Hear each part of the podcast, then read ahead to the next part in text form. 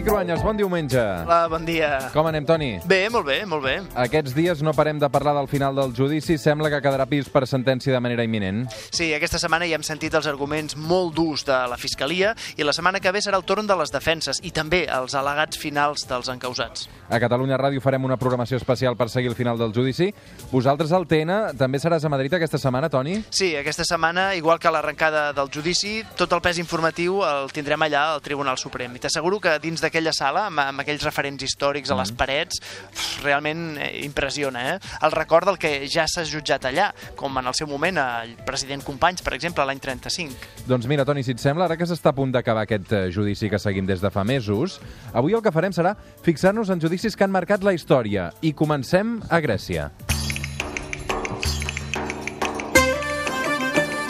De fet, arrenquem a la Grècia del segle IV abans de Cris amb el judici a un gran filòsof, ni més ni menys que Sòcrates. Home, tots hem estudiat Sòcrates al batxillerat, igual que Plató, com dos dels grans filòsofs grecs, però en el seu moment a Sòcrates el van considerar un corruptor de la joventut. Recordem que Atenes era una democràcia, una ciutat-estat en què s'escollia els seus mandataris i que hi havia llibertat d'expressió. I escolta'm, Toni, si hi havia llibertat d'expressió, per què van portar Sòcrates a judici?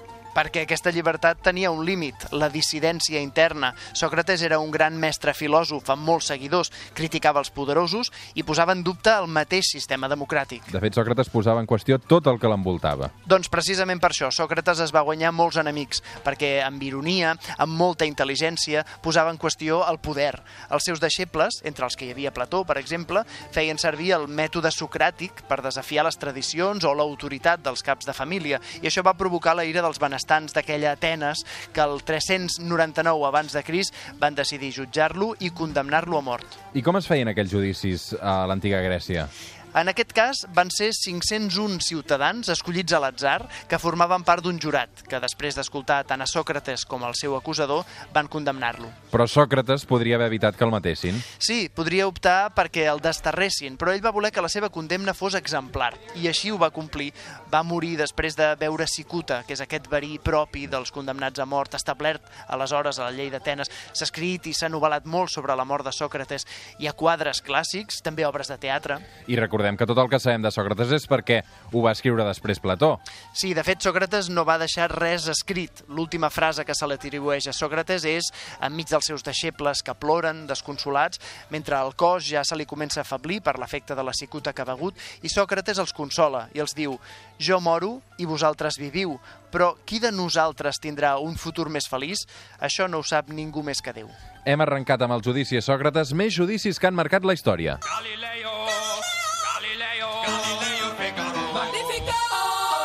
Ara marxem fins a Itàlia, segle XVII, fins al judici de la Inquisició contra Galileu Galilei. Un context molt diferent, amb una església catòlica molt poderosa i més a Itàlia. Així que la Santa Inquisició i el papa de Roma vetllaven per la doctrina de la fe, per sobre de la ciència. I Galileu Galilei havia publicat un llibre que es deia Diàleg sobre els dos màxims sistemes del món, en què defensava que la Terra i tots els planetes giraven al voltant del Sol. I mira, això és una cosa que avui ningú discuteix en principi, però que aleshores anava en contra del que deia l'Església. Ningú podia posar en dubte que la Terra va ser creada per Déu i que, per tant, era el centre de tot. Per això l'Església Catòlica va jutjar Galileu Galilei perquè el seu prestigi podia posar en dubte el fonament de la catequesi d'aquella època.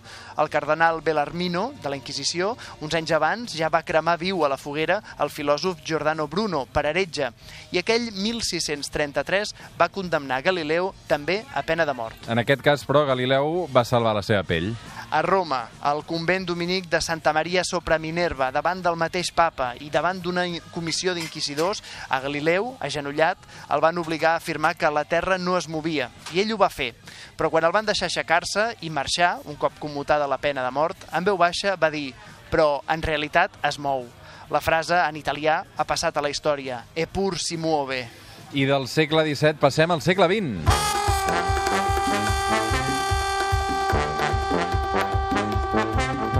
Ens tensionem una mica més, marxem fins a Chicago per parlar d'un dels gàngsters més coneguts de tots els temps, Al Capone.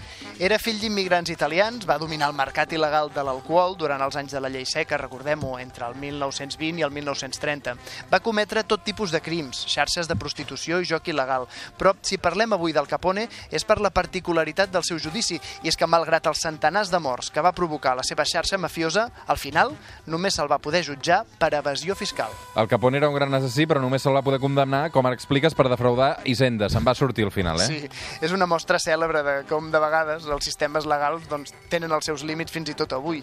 Tothom sabia què era i què feia el Capone, però faltaven proves i testimonis.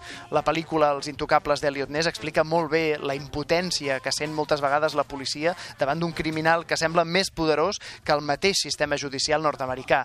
Aquest és Robert De Niro ara interpretant el Capone. Es un domingo soleado, las gradas están repletas. ¿Qué creéis que está pensando? Voy a lucirme yo solito. Pero jamás ganará el partido a menos que el equipo le ayude. Dios mío.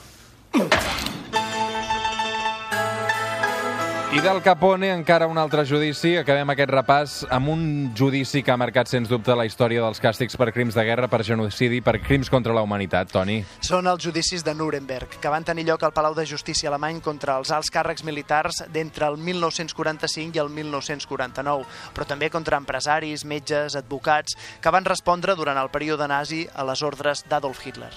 da man sich nur dann mit Stolz Hitler es va suïcidar als seus búnkers, per tant, qui es va jutjar van ser els subordinats. En el judici pels càrrecs de crim de guerra es van condemnar a mort 12 persones, mentre que en la resta de judicis, per càrrecs també greus, hi havia 185 acusats, amb 12 que van ser condemnats a mort i 8 a cadena perpètua. Hi va haver molts criminals nazis que van aconseguir escapar-se per això. Sí, per exemple, el cas d'Adolf Eichmann, un dels ideòlegs de l'Holocaust, que va causar la mort de 6 milions de jueus. El Servei Secret d'Israel el va trobar a l'Argentina 15 anys més tard i el van acabar jutjant i condemnant a mort a Jerusalem.